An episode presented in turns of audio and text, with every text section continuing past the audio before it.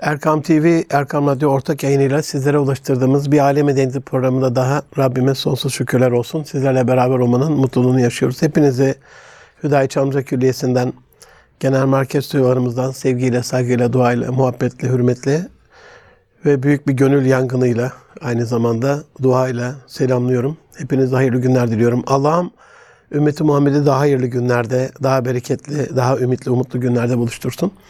Bu hafta çok değerli bir dostumu ağırlamanın heyecanında yaşıyorum elhamdülillah.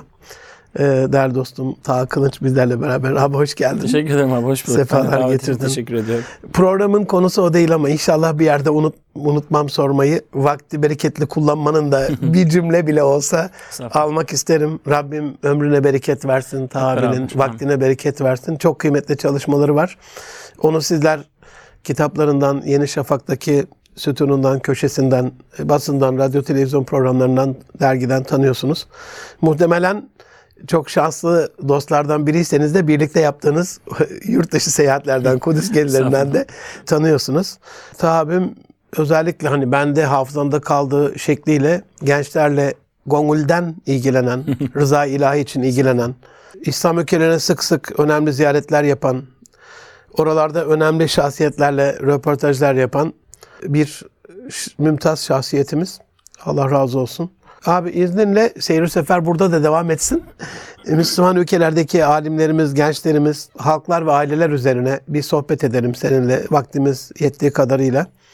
Seni sevenlerde seyahatlerini bıraktığı ortak bir tanım olan dünyanın Müslümanca nasıl gezileceğiyle ilgili bizlere kazandırdığın o özel bakış açısı diye öyle bahsediliyor. Abi öncelikli olarak Müslüman ülkelerin durumunu genel olarak nasıl görüyorsun?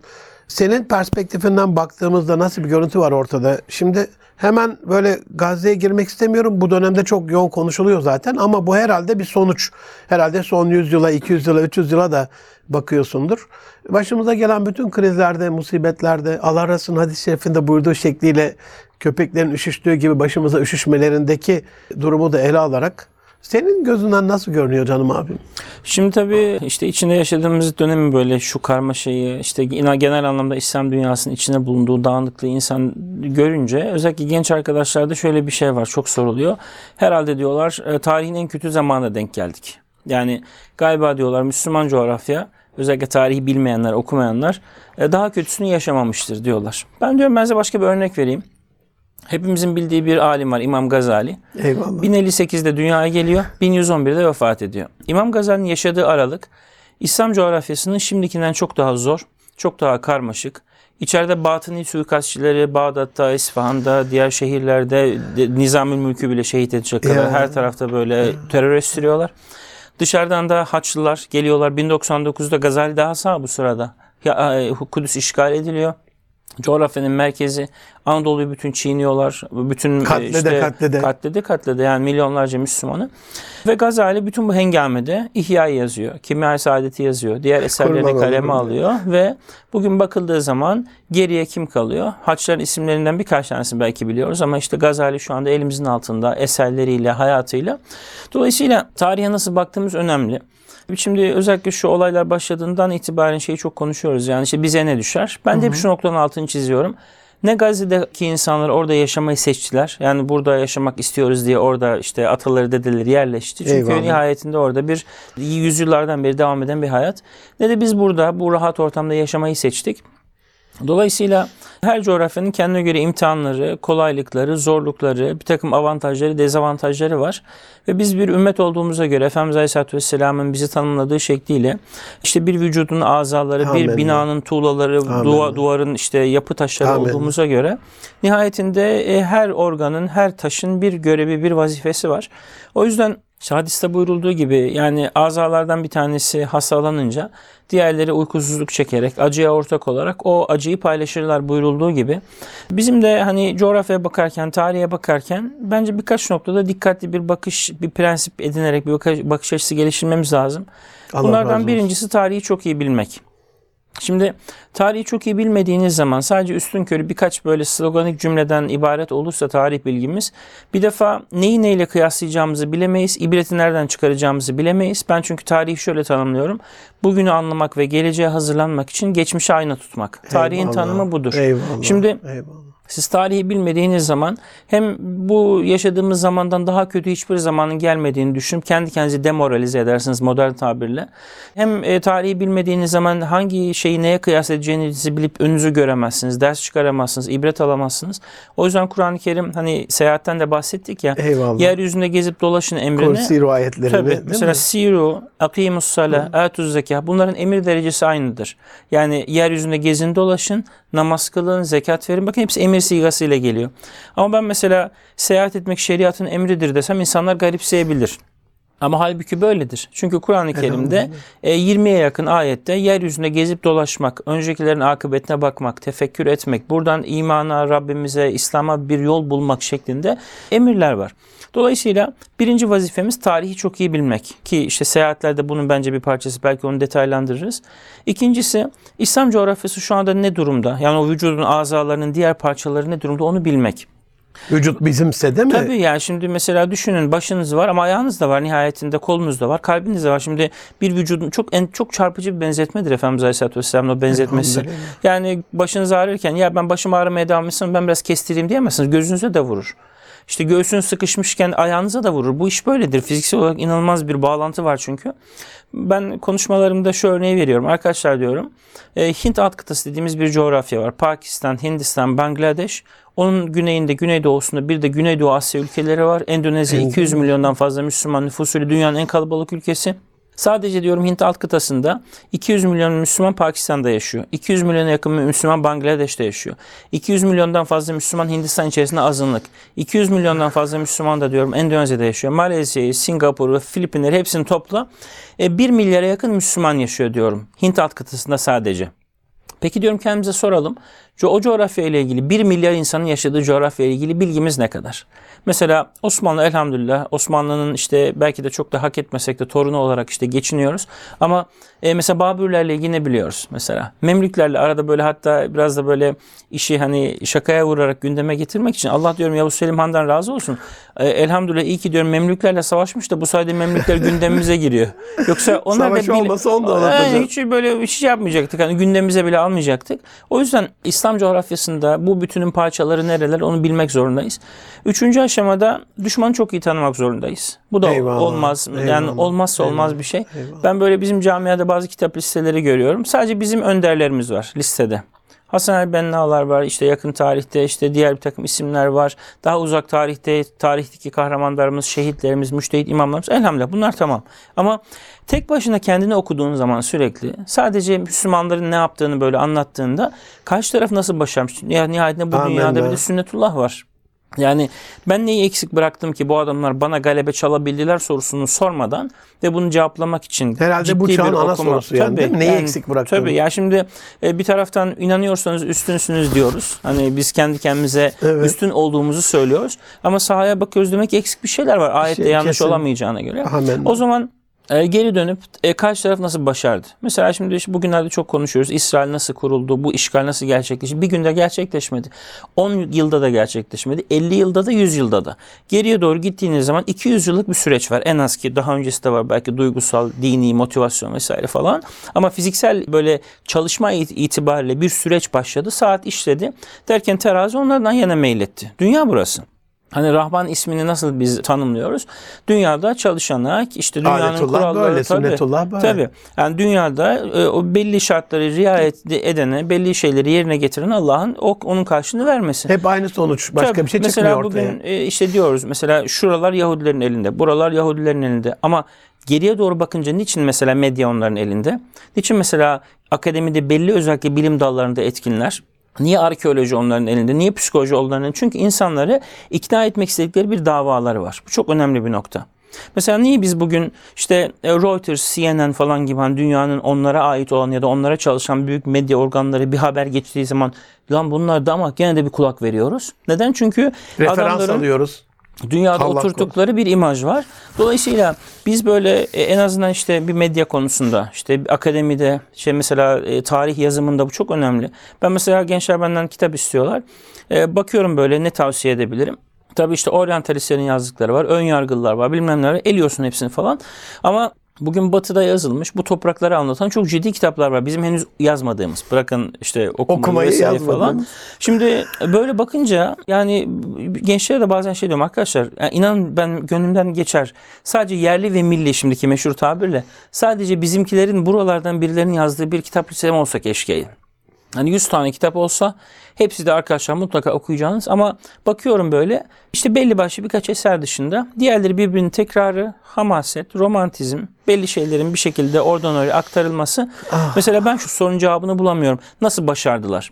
Bu çok önemli Buna bir nokta. bir analizle, bir Tabii, tahlille. tabii. Yani o noktayı çözmek tabii önemli. Dolayısıyla temel Allah vazifeler bunlar. Abi ikinci maddenle alakalı bu e, çok e, saygı duyduğumuz ifade tabii ki her şey Allah'tan. Rab öyle söyletiyor çünkü kuluna, Resulüne. Vücudun azaları olmak. Doktora gidiyoruz. Ayak bileğinde bir yer ağrıyor diyoruz. Diyor ki işte bir kalple ilgili bir şey yapmamız Mesela. lazım. Ya ne alakası var demiyoruz. Kalbe de bakıyoruz. Dolayısıyla bir İslam ümmetinin ümmet olarak, devlet olarak check-up'ında her ülkenin, medeniyetin, coğrafyanın farkına varmak, o vücudu tanımakla alakalı önemli Tabii. bir şey olsa gerek. Tabii, tabii. Tahlilde bir şey Kesinlikle. eksikse kabul etmiyor doktor. Kesinlikle Bu da öyle. mahşerde kabul olmayacak Öyle. bilmezsek. Öyle. Allah Öyle. razı olsun. Çok teşekkür ederim.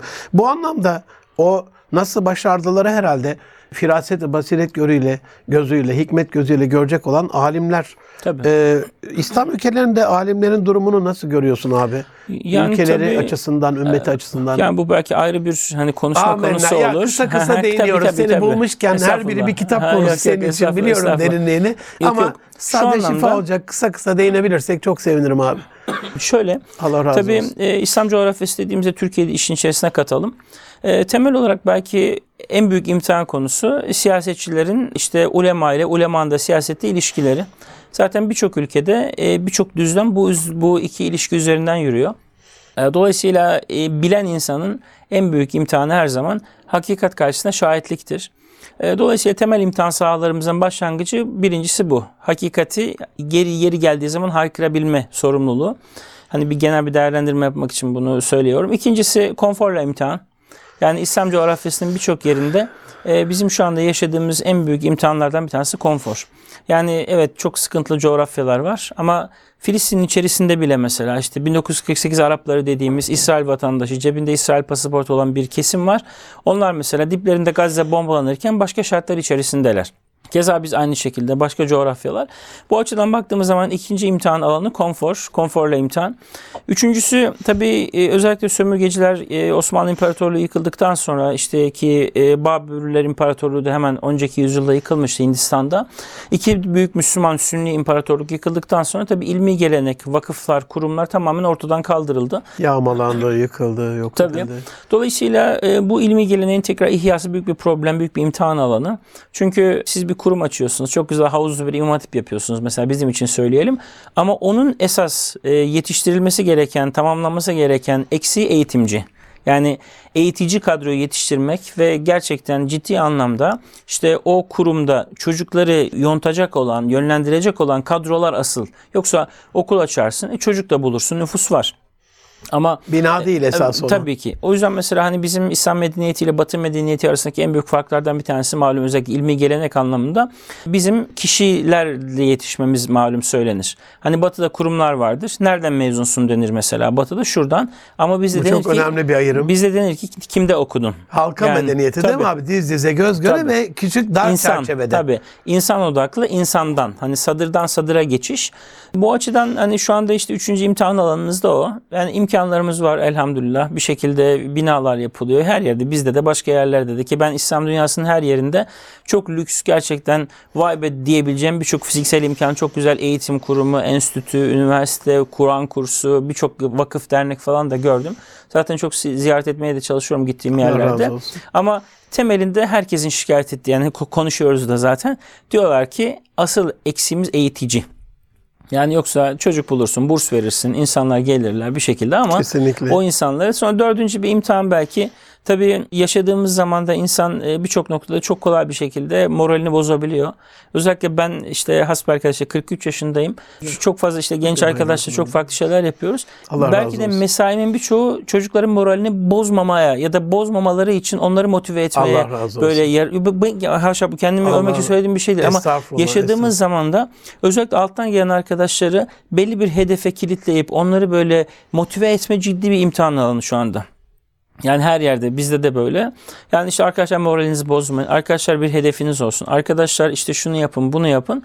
E, tabii bütün bunlar içinde belki hani sosyolojik olarak da belli şeylerin belki değişmesi de lazım. Çünkü şu anda mesela Türkiye'yi düşün. 20'li yaşlardaki bir çocuğun e, mesela hedefi ne olacak mesela? Yani şimdi biz büyükler olarak diyelim ki 28 Şubat'ı gördük. Bizden öncekiler daha eski zamanları gördü falan. Ama şimdi mesela çocuğa bir şey anlattığımız zaman ona masal gibi geliyor. Çünkü yaşamadı, bilmedi, görmedi. O yüzden o hani e, nesillerimize odaklamak. Ee, yıllar önce Şam'da bir hocamız vardı. O böyle bir akşam böyle sohbet ederken e, şu anda demişti. O hiç unutmuyorum o sözünü. En büyük demiş hedeflerimizden bir tanesi Rabtul Eciyal olmalı. Rabtul Eciyal e, Türkçe'de nesilleri odaklamak demek. Rabt rabıta zaten. Eciyal Cihil'in çoğulu. Rabtul Eciyal demiş. Yani mesela dava nedir? Filistin davası nedir? Ümmet nedir? Mesela şu anda biz Türkiye'de bile ümmet diye bir coğrafyanın işte var olduğunu, bizim bir e, bütün ait olduğumuzu, işte ümmetin, e, milletin daha üstünde bizim için bir üst kimlik olduğunu millete tabii ki inkar etmiyoruz. O da bir sosyal bir gerçeklik ama onun da üzerinde bizim bir üst kimliğimizin olduğunu, bizim e, İslam coğrafyası diye bir gerçekliği düşünmemiz, tahayyül etmemiz, onun için çalışmamız gerektiğini giderek daha az insana e, anlatabiliyoruz. Bilmemeyin dışında inkar dönemindeyiz Tabii, şu anda. Ne tabii, alakası var karşı ümmet ümmet Mesela dediği. işte Cumhuriyet malum işte şimdi şu birkaç gün önce 100. yılı idrak edildi. Birçok insanda mesela ümmet olmaktan kurtulmak ifadesini ben duydum. Mesela bu söylem çok tehlikeli ve ciddi sıkıntılı olan bir söylem. Çünkü bir taraftan Cumhuriyet millet de olursun ama ümmet de olursun. Bunlar Amenna. birbirine dışlayan şeyler Amin. değil. Amin. Ha, biz Türkiye Cumhuriyeti'yizdir. Burada yaşıyoruzdur. Ama bir ümmetin parçası olarak da onun içerisinde bir yerimiz olur. Bunda bir şey yok ama Avrupa öyle tek başına krallık E, ama birleşebiliyor Avrupa Birliği tabii. olarak. Yani ne monarşiler var? orada yaşamaya devam ediyor. Saltanatlar yaşıyor. Cumhuriyetler yaşıyor. Ama aynı zamanda bir de dış çerçeve var. Bu açıdan özellikle yeni alttan gelen hani gençlerle yani ilimden, alimden, bilenlerden bahsettik ya.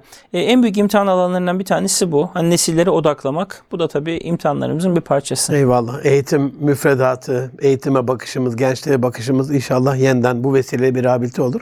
Diğer taraftan da hani basından takip ettiğimiz kadarıyla böyle Tunus Nahta Hareketi'nin kurucusu Raşit Kanuşi hocamız gibi birçok değerli şahsiyetle kendi yerlerinde hatta evlerinde Evet. Hı. röportajlarını da tanıyoruz. O dar çerçevede yüz yüze göz göze geldiğinde onların gözünden özel bir şey, çare, özel bir öneri aktarabileceğim bir şey var mı? Ee, yani şöyle- yani o üstadların gözünden nasıl görünüyor ümmetin durumu? Nerede görüyorlar felaha kurtuluşu? Yani şöyle e, tabii her coğrafyada başka bir çözüm var. Bir e, reçete var. Yani bugün mesela işte Hindistan'da hiç unutmuyorum. E, Hindistan ziyaretimiz sırasında merhum Ebul Hasan Nedvi'nin e, işte mezarını ziyaret ettik. Onun kurmuş olduğu ve kendisi öğrenci yetiştirdiği ilk medresenin ilk hali Darül Ulum diye geçiyor orası. Torunun da şu anda Lekine. Tabii olduğu- tabii kendisinin vefat ettiği yatağı vesaire hepsini böyle görme imkanı oldu. Oradaki insanlarla mesela konuşurken şimdi tabii oradaki psikoloji başka. Hindu yani putperest pagan bir toplum yani. Onların içerisinde azınlık durumda yaşayan bir Müslüman. Tabii oranın fıkı, oranın öncelikleri ayrı. Dönüyoruz mesela sınırın öbür Pakistan'da mesela ziyaret ederken Pakistan'da e, işte nihayetinde 200 milyonluk e, nüfusun tamamına yakın Müslüman bir ülke var. Tabi oradaki e, öncelikler, oradaki işte Müslümanların gündemi ayrı. E, Balkanlara gidiyoruz bakıyoruz Balkanlarda başka bir tecrübe, başka bir e, şey var. İşte Gazi Hüsrev Medresesi mesela ziyaret ediyoruz. Oradaki insanların gündeminde çok daha farklı şeyler var. İşte geçen hafta Özbekistan'daydım. Ondan önce hemen de İran ziyareti olmuştu. Evet. İsfahan ve Sayfiyan bir Allah dolaşmıştık. Oralarda da mesela her gittiğimiz yerde tabii yerel bir takım şeyler var. İşte çözüm önerileri sunulan şeyler var. Tabii ülkelerin ihtiyaçları, ülkelerin yakın tarihleri, onların tecrübeleri. Öbür taraftan tabii ülkelerin siyasetleri de bunu etkiliyor. Nihayetinde ülkenin bir dış politikası, bir duruşu var İslam dünyasına dair. Bu açıdan e, hani İslam dünyasının her yerinde ortak bir çözüm önerisi doğrusu görmedim. Neden? Çünkü bahsettiğim sebeplerle herkesin kendine göre bir farklı projeksiyon vardı. Benim aradığım şey şu oldu açıkçası. Hep zaten bunu yapmaya çalışıyorum. Allah razı olsun. Bütün bu farklı e, bakış açıları e, en azından belli bir çerçevede buluşabilir mi? Yani bir ortak ç- çerçeve bulabilir miyiz? Bana böyle bazen gazetecilik faaliyetlerim işte e, bir işte tarih dergimiz var, bir işte internet sitemiz var, kitaplar var, konferanslar, seyahatler, işte gazete yazıları falan filan, e, televizyon programları, radyo programları. Bana birisi şey sordu bir konferansta. Sen tam olarak ne yapıyorsun? Hani böyle doğrudan sordu genç bir arkadaş. Ben dedim ki yaptığım şeyin özetini ben şöyle belki ifade edebilirim. Sınırlarımızın dışında yaşayan coğrafyayı içeriye tercüme etmek. Allah razı Yani- olsun. Mesela haftalık yazıyı yazarken işte haftanın iki günü bana bir köşe emanet edilmiş. Diyorum ki bu hafta İslam dünyasında olan bitenlerle ilgili en azından bizim bu coğrafyada insanların bence bilmesinde mülahaz, fayda mülahaza ettiğim Allah şeyler ne olsun olsun. gibi. Şimdi e, oradan da hareketle böyle çok farklı coğrafyaları tabii bazen çok sık aralıklarla ziyaret ediyorsunuz. İşte e, bir Şii ülkeyi ziyaret ediyorsunuz mesela işte İran sonra dönüyorsunuz %98-99 Hanefi işte Sünni Müslüman Özbekistan'a aynı hafta içerisinde falan. Ya da işte gidiyorsunuz bir Bal- Balkanları sonra dönüyorsunuz Tunus'a gidiyorsunuz. Ya da bir Endülüs'e gidiyorsunuz sonra dönüyorsunuz mesela bir Afrika ülkesine falan. Şimdi bu tabii tecrübeler ister istemez insanın zihninde bir şey oluşturuyor. İslam dünyasına dair bir e, projeksiyon. İşte belki onu konuşuruz. Yani İslam coğrafyasında çok böyle hakikaten ya Allah razı olsun ne güzel çalışıyorlar dediğim e, belki bir köyde rastladığım kendilerine işte belki insanların hiç belki duymadığı belki de hiç duymayacağı ama gerçekten bulunduğu yerde çok güzel çalışmalar yapan bir sürü insan tanıdım. Hani birçok böyle namlı, ünlü vakıflar, dernekler, isimler var ama bir taraftan da böyle e, ayet var. Çok çok çarpıcı gelir bana. Yarattıklarımızdan her zaman e, adalet üzere davranan ve hak üzere hareket eden bir ümmet bulunacaktır diye. Bulunacaktır. Araf suresindeki. Sanki böyle o ayetin tecellisi gibi. Yani kendi kendilerine bir şey yapıyorlar ama hakikaten sağlam bir şey yapıyorlar. Diyorum mesela 100 sene sonra belki diyorum buradan bir hareket başlayacak. E, böyle olunca da coğrafya sürprizlere açık. Hani o yüzden genç arkadaşlara da hep onu söylüyorum. Yapacağınız en büyük yanlışlardan bir tanesi duruşunuzu, bakışınızı zamanda dondurmak olur. Yani şu anda 2023'teyiz her şey çok kötü bitti. Değil. Hani demin Gazali örneğini verdim. 1111'de işte Gazali vefat ediyor. E, o zaman coğrafya batıniler içeriden, haçlılar dışarıdan sürekli çiğneniyor. O dönemin insanları muhtemelen diyorlardı ki herhalde kıyamet kopacak. Ama kopmadı. Ki bir felaket daha gelecek Moğollar 1220'ler. Eyvallah. Ondan sonra ama Moğollar geçtikten sonra coğrafyada bir de Osmanlı gelecek sonra. Bakın 1260 Ancalut Savaşı'nda Moğollar durduruldu işte Filistin'de Memlükler tarafından. 30 sene sonra Osmanlı kuruldu şaka gibi. Yani kim tahmin ederdi, Kim kim, tahmin bilebilirdi. O yüzden tarihin böyle sürprizlerine de açık olmak lazım. Eyvallah. Bazen şey diyorum içinde bulunduğumuz zamanda yani herhalde diyorum bazı şeyleri gelecek için çalışacağız. Yani çünkü Amenna. bazı şeylerin böyle Amenna. Ümit var neticelerini olarak tabii bugünün çünkü hakkını vererek- yaptığımız bazı şeylerin diyorum muhtemelen sonuçları yazdığımız konuştuğumuz şeylerin Allahu alem diyorum belki de 100 sene sonra diyorum birilerine ulaşacak. Bu böyle de çalışmak O lazım. ihlasla Rabbim çalışmayı nasip eylesin. Amin. Kısa bir ara vereceğiz. Aziz dostlarım, Taha Kılınç ağabeyle inşallah kaldığımız yerden ümmetin İslam coğrafyasının, geleceğimizin kadim değerlerini, sırlarını, alimler, gençler, aileler ve halklar nezdinde konuşmaya devam edeceğiz. Az sonra görüşmek üzere efendim. Buluşma noktamız Erkam Radyo. Aziz dostlarım, can dostlarım yeniden birlikteyiz. Kendi ifadesiyle hani böyle araştırmacı, yazar, gazeteci falan böyle eğitimci değil de ümmetin coğrafyasında olanları bizim coğrafyaya tercüme eden e, ümmetin mütercimi öyle anılır inşallah. Yani Allah razı olsun. Taha Kılınç ağabeyle birliklerimiz devam ediyor. Filistin'de bir öğretmen arkadaşım var abi. Hanan El Harup. Hanan El Harup 2016'da Dubai'deki bu yılın en iyi öğretmenleri dünya çapında yapılıyor. Malumun ödül töreninde 1 milyon dolarlık yılın en iyi öğretmeni ödülünü alan ve kendi gönlümde de yani bir Gazze'de mülteci kampında bunlar başarılıyorsa biz bunca imkan içerisinde çok daha mesulüz. Bir şeyler yapılır diye ama basiret ve firaset gözüyle bakmadık tabi bilmiyorum. E, hala ben Finlandiya en iyi eğitim modeli, Finlandiya bilmem ne diye onların borazanlığını yapa gelmişim. Bu en son olaylarda gördüm ki Filistin eğitim sistemine çok e, uzak kalmışız. Yani oradaki bu az evvel bahsettiğin dava şuuru, az evvel söylediğin ümmet bilinci, az evvel o hadis-i şerifte buyurduğu şekliyle bir vücudun azaları gibi olma hassasiyeti asıl orada görüyoruz. Yani anne babası paramparça edilmiş, kızcağız arabaya e, yaslanmış, Kur'an-ı Kerim elinde. Hani e, ya da şehit kardeşinin yanında elhamdülillah diyor Mescid-i Aksa bizimdir biz buradayız ölsek de. Yavruları ellerinde elhamdülillah diyor cesaret veriyor diğer Evet. gazilere. Doktorların o çığlıklarını görüyoruz. Bununla alakalı e, bir şey söylemek ister misin? Yani e, özel bir soru olacak ama hani hep böyle bizde de eğitim sisteminin durumu malumun. Bu gözle bakarsak dünya eğitim sisteminde bize çünkü hep unutturuyor gibi geliyor bana. Mesela Yemen'de de onca katliam var. O bahsettiğim bir takım medya bizi başka taraflara sevk Tabii. ediyor. Bu arada eğitim sistemiyle alakalı da gözden kaçırılmış bir şey olabiliyor mu diye sormak istedim abi. Şimdi ya tabii biz Müslüman olarak yani Allah'a ve ahiret gününe iman eden Müslümanlar olarak tabii önce kendi paradigmamızı, kendi söylemlerimizi, kendi önceliklerimizi oturtmak zorundayız. Amen. Mesela Finlandiya eğitim sistemi, Polonya eğitim sistemi işte bunlar böyle yakın dönemde bize böyle önerilen şeyler. Ama biz Müslüman olarak mesela dünyada ebedi mi kalacağız? Hayır. Bizim e, öncelikli hedefimiz konfor mu? Hayır. E, bizim uğruna yaşayacağımız değerler dünya mı? Hayır. Değil. Ama örnek aldığımız eğitim sistemlerinin öncelikleri onlar. Şimdi o zaman nasıl biz bu kadar temel bir ayrım varken e, nasıl onların eğitim sistemini mesela ideal bir eğitim Bu sistemi olarak hesapta nasıl bu benimseyebiliriz? yaptık? Yani Neden bunu benimseyebiliriz? Çünkü bakıldığı zaman mesela bugün işte Hamas'ın işte 7 Ekim'deki saldırılarından sonra İsrail'in işte şeyleri bombardımanı başlayınca e, birçok insan şey dedi. Ya kardeşim Türkiye'den bakarak ya işte başlarına bunun geleceği belli. İnsan bunu yapar mı? İnsan bu tuzağa düşer mi? Şimdi bizim buradan bakışımızda bizim şöyle bir genellememiz var. Hiç ölmeyelim, hiç can vermeyelim, hiç kaybetmeyelim. Her şeyimiz tamam olsun ama galip de gelelim, dinimizde yaşayalım. Böyle bir dünya yok. Yani bu bakış açısı İslam fetihlerini de çok yanlış okur. Yani Ulubatlı Hasan'ı bu bakışta izah edemezsiniz. Surların üzerine kardeşim enayi misin dersin haşa. Niye yani, dikiyorsun? Niye Dikmeyi ver dikiyorsun? o ya, ya da kardeşim işte filancı şehit öne atılan kişi için öldürüleceğim belli kardeşim. İnsan bu kadar enayi mi olur haşa? Kendini korumalısın falan der bu bakış açısı. Ama tarihte biz böyle baksak hiçbir yeri fethedemez, hiçbir yere sefere çıkamazdık. Mesela Mu'te Savaşı'nı düşünün.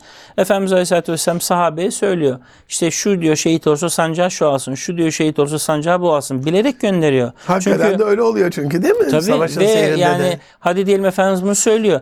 Gönderdiği insanlar da bilerek diyorlar ki ben şehit olacağım sancağı o alacak. Ben şehit olacağım sancağı ama buna rağmen ne gitmemek söz konusu. Çünkü biliniyor ki o bir süreç. Sen can vereceksin. Senden sonrakiler onun üzerine bir şey koyarak fethi ilerletecekler ve nihayet İstanbul'u fethedecekler. Çünkü tarihe böyle bakmazsanız olmaz. Ama biz ne istiyoruz kendi bulunduğumuz yerde?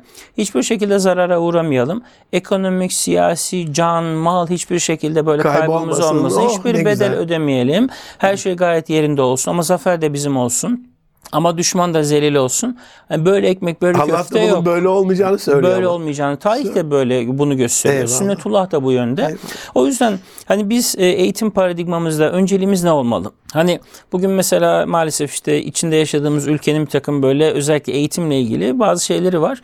E, Benim kız e, işte şu anda 13 yaşında ilkokula böyle e, işte Rabbim ilk defa amin, başladığı- günleri amin, inşallah. Başladığı zaman mesela biz okulda kendisini ilk gün okula bıraktık. Birinci dersin bitmesini beklemeden ayrıldık. Kızmadık okuldasın artık ağlayacaksın da ağlama boşver. Biraz da böyle teselli ettik şey yaptık. Çok şükür atlattık onu. Elhamdülillah. Aradan birkaç gün geçti. Ondan sonra kızım dedi, nasıl gidiyor? Çocuk tabii çocuk bakış açısı. 7 yaşında çocuk daha okula başladı. Şey anlattı. Baba dedi çok güzel ama dedi bir şey dikkatimi çekiyor dedi. Arkadaşlarımızın dedi annelerinden bir tanesi e, her teneffüs şey ders boyunca dedi kapıyı açık bıraktırıyor. Tam böyle koridorda çocuğunu göreceği yere oturuyor ve sürekli olarak çocuğunu kontrol ediyor dedi. Şimdi çocuğun dikkatini çekiyor tabii bu. Sonra yine bir başka anne her öğlen gelip çocuğun atletini değiştiriyor. Bakın bunu çocuğa şefkat adı altında yapıyor. Şimdi her öğlen atleti değiştirilen çocuk başa bela olur. Ümmetin başına bela olur. Kesinlikle. Çünkü çocuğu o konfora alıştırırsan, o rahatlığa alıştırırsan. Mesela bugün işte siz de şahit oluyorsunuzdur ya da en azından insanlardan vakalar da geliyordur. E, birçok okulda, birçok eğitim sisteminin birçok noktasında şu anda veli şımarıklığı diye bir şey var. Tabii ki çocuğu paldır küldür eskide bazı kötü örneklerde olduğu gibi dövelim kıralım değil mevzu ama şimdi bir uçtan öbür uca savruluyoruz. Ve gayet şımarık hatta velet şahi aileler var şu anda. Çocuk üzerine kurulu. Çocuğun şımarıklığı anne babayı böyle tasma takar gibi ucundan takmış. Çocuğun her istediği yapılıyor. Her türlü konfor ona sağlanıyor. Çocuğa müthiş bir yatırım yapılıyor. Çocuğa Sünnet adeta törenine tahta, padişah tahtında getiriliyor ve başka abi. şeyler. Şöyle, Adeta haşa çocuğa tapılır gibi böyle Allah çocuğa muhafaza. çocuğuyla ilgili bütün şeyler. E peki ondan sonra biz bu çocuk yani hastalanmayacak mı? Bu çocuk hayatta bir zarar etmeyecek mi? Bu bir dayak yemeyecek mi? Ya da bu herhangi bir şekilde bir şeyden geri kalmayacak mı? Ondan sonra ne oluyor? E bu sefer o çocuğu memnun edemiyorsun. Ben bunu seyahatlerde de görüyorum. Şimdi yaşı biraz ileri diyelim 60-70 70 olmuş. İşte seyahate çıkıyoruz mesela. Ondan sonra acayip huysuz amca ya da teyze. Bakıyorum böyle memnun edemiyorsun. ya şey rezalet böyle gezi mi olur falan. E, böyle rezalet dedi gezi mi olur dedi. Şey, mesela e, otelde o- odasında bir havlu eksik misal. Hani böyle küçük bir detay tamam mı? Ya da yemekler rezalet falan diyor mesela tamam mı? Böyle herkesin çok beğendiği yemekleri. Ya diyorum acaba sonra biraz böyle sakinleştiriyorum. Ondan sonra sohbet ediyoruz abi. Hikaye aynı. Hayatında hiç rutin dışına çıkmamış. Yolculuk yapmamış. Yatılı okumamış. Sıkıntı çekmemiş. Çekmemiş. Kolay bir şekilde memur olmuş. Risksiz bir şekilde 20-30 senesini tamamlayıp emekli olmuş. Sonra da benimle geziye gelmiş. Al başına belayı. Şimdi bu insanlarla bakıyorum cihat nasıl gideceğiz? Ya, Ya bir bu insanlarla öyle- nasıl nasıl iş lazım. yapacağız? Ya. Ya. şunu düşünün. Mesela bazı arkadaşlar diyor ki abi her sabah diyor banyo yapmaya evden çıkamam. Her sabah banyo yapmak nasıl bir lükstür?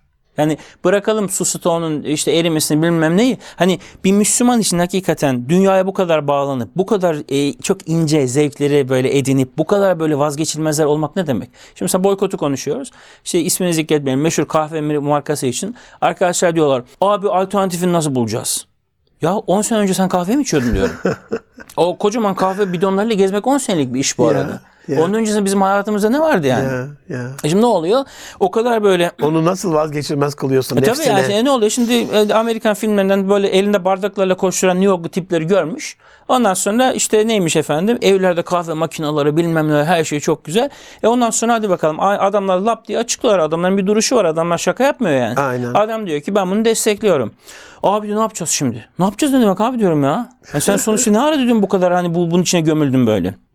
Mesela içki satan, domuz satan yani açık bir şekilde Rabbimizin yasakladığı şeylerin ticaretini yapan insanlar boykot edilmiyor normal zamanda. Ama bu adamların boykot edilmesi için mesela işte İsrail desteklemesi gerekiyor. Ya diyorum Müslüman sen zaten bu adamları boykot etmen gerekiyordu zaten şimdiye kadar. Yani hayatında zaten buraların olmaması gerekiyordu. Yani diyoruz ya işte boykot listeleri neden tutmuyor? İşte hepsi eğitim sistemi, öncelikler, yaşadığımız hayat, konfor, keyiflerimiz, vazgeçemediğimiz şeyler. Yani Eyvallah. bugün baktığımızda mesela işte Filistin'de hani e, soruyu oradan başladık ya. Bakıyorum yani e, düşünün e, annesi şehit olmuş, babası şehit olmuş, ailesinden 10 kişi şehit olmuş. Çocuk böyle hepsinin böyle başından kefenin yüzünü açıyor abi. Bakıyor böyle. Biraz göz döküyor böyle. Kapatıyor hayatına devam ediyor.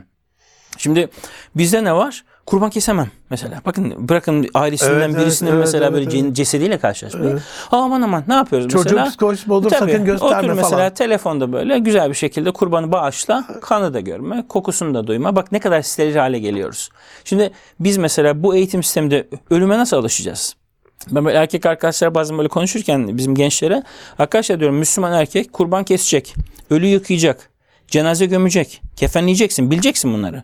Hoca yapar. O imamı çağıralım. Tamam onlar da yapar. Ama fiziksel olarak senin hine hacette bunları yapacak bir formasyon olması lazım diyorum.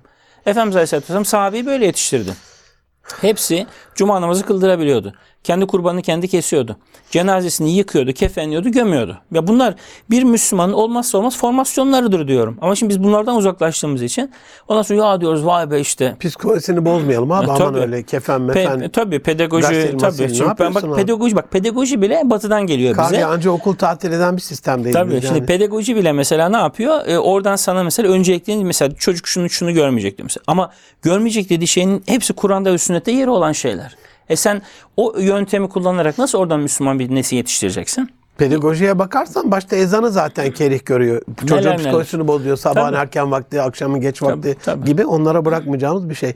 Gençler kahve falan demişken abi gençlerle ilgili durumu nasıl görüyorsun? Yani şeyde böyle İslam ülkelerinde hani bizde meşhurdur böyle 68 kuşağı falan derler böyle. Ondan sonra hakikaten bu ümmet bilinciyle dertlenen, şuurlanan böyle hareketler var mı? Var tabii. Yani gençlerden de var, yaşlılardan da var. Şimdi bizde tabii genellikle böyle bozulmayı gençlere hamleden bir bakış var. Gençlik çok bozuldu falan diye. Ama sosyal medya ile ilişkilere mesela bakalım. Şimdi benim çevremde de var. Siz siz de şahit oluyorsunuzdur. Allah razı Eskiden olsun. mesela bir e, işte bayramda bir büyüğün mesela evine gittiğimizde işte babaanne, dede ya da işte büyük amcalar falan otururlar çocuklar dizlerinin dibine. İşte bayram, bayram nedir anlatır. İşte o çocuklara böyle o süreci böyle benimsetmeye falan çalışır. Şimdi abi büyükler ne yapıyorlar? Böyle herkes böyle yakın gözünü burnunun ucuna böyle indirmiş şöyle. Herkes böyle Facebook güncelliyor. Şimdi yaşı 70-80 ihtiyarlardan bahsediyorum. Şimdi çocuk bunları görüyor. Aynı çocuk bu sefer işte sosyal medyaya düştüğünde ya da eli gözü cep telefonuna düştüğünde aynı yaşlılar diyorlar gençlik çok bozuldu. Ben de diyorum ki arkadaşlar Yani çocuk neyi görüyor önünde, Amenna, neyi örnek alıyorsa, ailede gündem neyse, insanlar çevresinde Kesinlikle. örnek olarak önüne ne konuyorsa çocuk onu görüyor. Kesinlikle. Ha sen şimdi yemek sofrasına oturmuşsun. Sadece kendini rahat işte bir şey izleyebilmek için çocuğun önüne bir ekran koyduğunda e, çocuk bir yaşında daha mesela her yerde görüyorum ben. Aile sadece anne baba dırdır dinlememek için çocuğun önüne ekran koyuyor bir yaşında. Ondan sonra o çocuk geliyor Susturucu. üç, tabii o çocuk geliyor 3-4 yaşına ondan sonra diyorlar bizim çocuk asosyal oldu. Niye acaba? Yani gibi.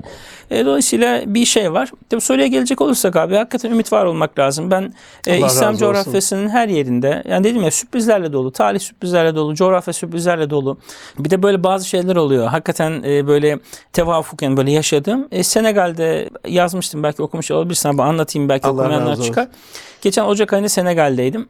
E, Afrika'nın en batı ucu malum.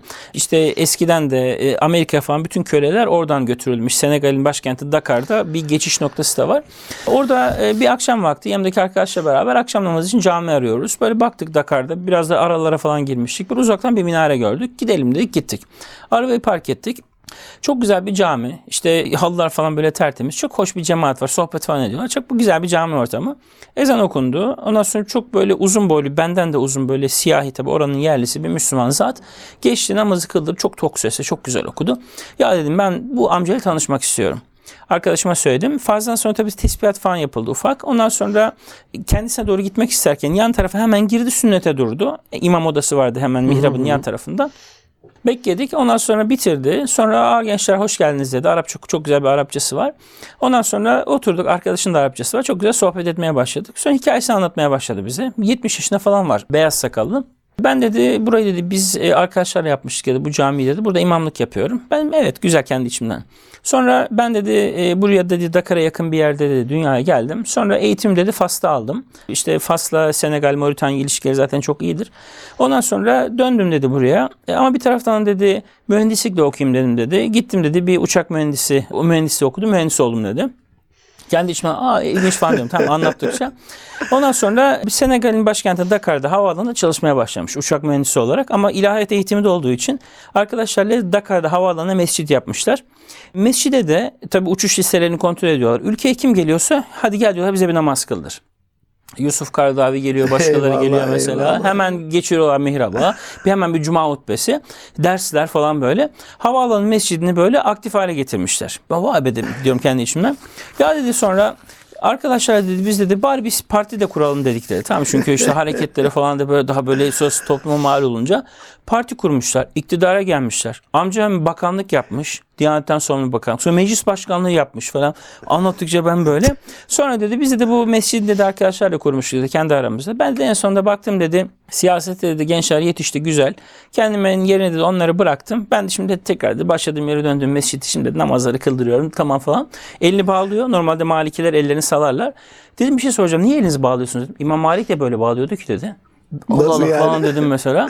Ya insanlar kim biliyor ki dedi. Hani İmam Malik dedi sünnete uygun bir şekilde elini bağlardı falan demiş. O da çok ilginç geldi bana. Maliki bir toplumda kendisi de Maliki ama İmam Malik de böyle bağlardı falan diyerek çok enteresan şeyler de anlattı. Sonra durdum böyle hani seyahatin bereketi var ya. Elhamdülillah. hakikaten böyle hani bir, bir Müslüman nasıl olmalı? Toplumsal sorumluluğu nasıl olmalı? İşte bir taraftan alim, bir taraftan mühendis.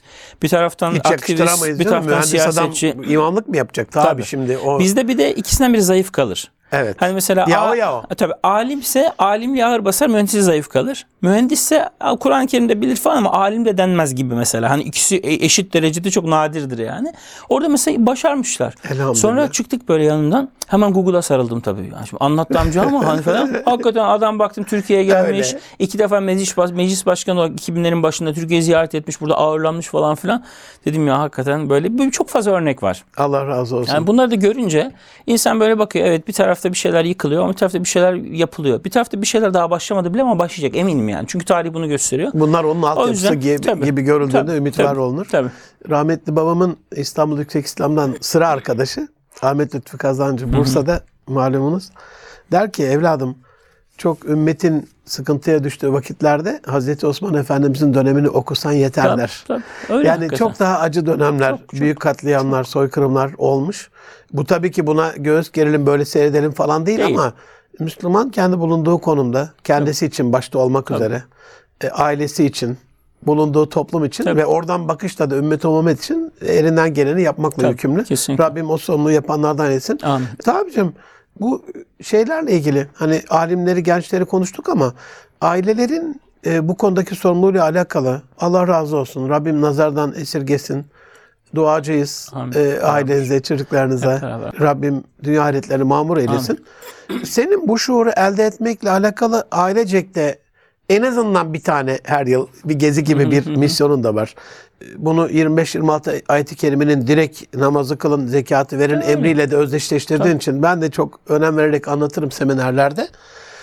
Bu İslam ülkelerini ya da belli coğrafyaları ibret almak kastıyla ailece gezmeyle ilgili bu nasıl bir şuur kazandırıyor? Bereket etkisi ne oluyor? Yani şöyle abi şimdi e, bir öncelik sıralaması da yapmak lazım. Mesela bana arkadaşlar diyorlar ki abi Özbekistan'a gitmek istiyorum ama biletler çok pahalı. Mesela daha 20 yaşlarının başında bir genç. Evet diyorum pahalı doğru.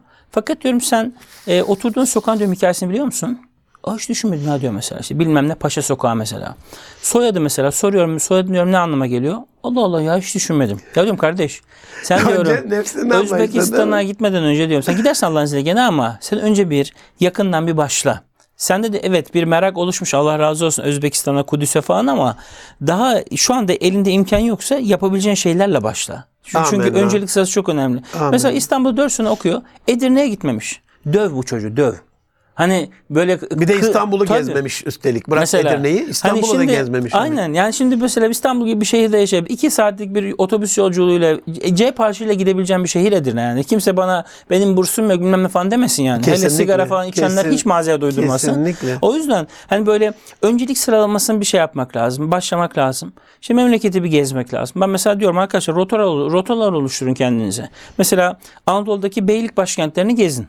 Erzurum'u gez, Malatya'yı Ya. gez, Erzincan'ı Kayseri'yi gez, Kayseri'yi, mesela. Malatya'yı mesela Konya'yı tabii Manisa'yı buraları bir gör. Aydın'ı gör, Çanakkale'yi buraları bir gör. Ondan sonra devam et mesela e, daha böyle bir yine bir konsept dahilinde şehzadelerin sancağa çıkarıldığı Ya. şehirleri bir göz, gez. Tarihi kalelerin olduğu şehirleri gez. Bunların hepsi farklı rotalar. İstanbul'da mesela Her mekanın bir ruhu var. Tabii. Galiba bir İstanbul'da mesela Mimar Sinan'ın eserlerinin bununla ilgili bir sürü internette malzeme de var. Rotalarını bir oluştur bir gez mesela. Sinan rotası yap mesela kendine. Ya. Eserlerini bir dolaş. Adam da Süleymaniye'nin kaç minareli olduğunu karıştırıyor. Bana Özbekistan'dan bahsediyor. Ya diyorum kardeş önce sen diyorum bir yakından başla. Sonra diyorum sırasıyla gelecek. Biraz bu şuurla yapmaya çalışıyoruz. Yani çocukları ben mümkün mertebe e, ben kirada Maşallah. oturuyorum hala. Maşallah. Benim işte 2014 model bir arabam var. O kadar. Yani bana yetecek kadar. Ama e, bizim hatta büyükler çok dalga geçiyorlar bizimle. Ya bu kadar gezmeseniz şimdiye bir eviniz olurdu falan diyorlar. Vallahi öncelikle ilgili bir şey ya herhalde. yok şöyle yani ben eskiden beri yani biz böyle zaten Yörük ailesiyiz yani benim dedelerimin hepsinin hikayesinde göç hikayeleri var. Ben mesela filanca büyük dedemizin yaptığı bir seyahat, filanca işte büyük babamızın işte akrabalarımızdan bir büyüğün çıktığı bir seyahat. Mesela Kudüs'e gitmiş birisi, birisi bilmem nereye gitmiş falan. Bunları yaşayarak büyüdüğüm için ben 11 yaşından beri gurbetteyim zaten kendimde. Ben böyle bir yerde durmak, bir yerde sürekli yaşamak, devam etmek falan böyle bir hayalim ve hayatımda hiç olmadı. Elhamdülillah Allah da nasip etti. Yani böyle gezmeyi Maşallah. sevmeyen bir eşin olsa başka türlü bir hayatın olur. Hani bu anlamda eşim hakikaten minnettarım. O da bizim gibi olsun. mobildir.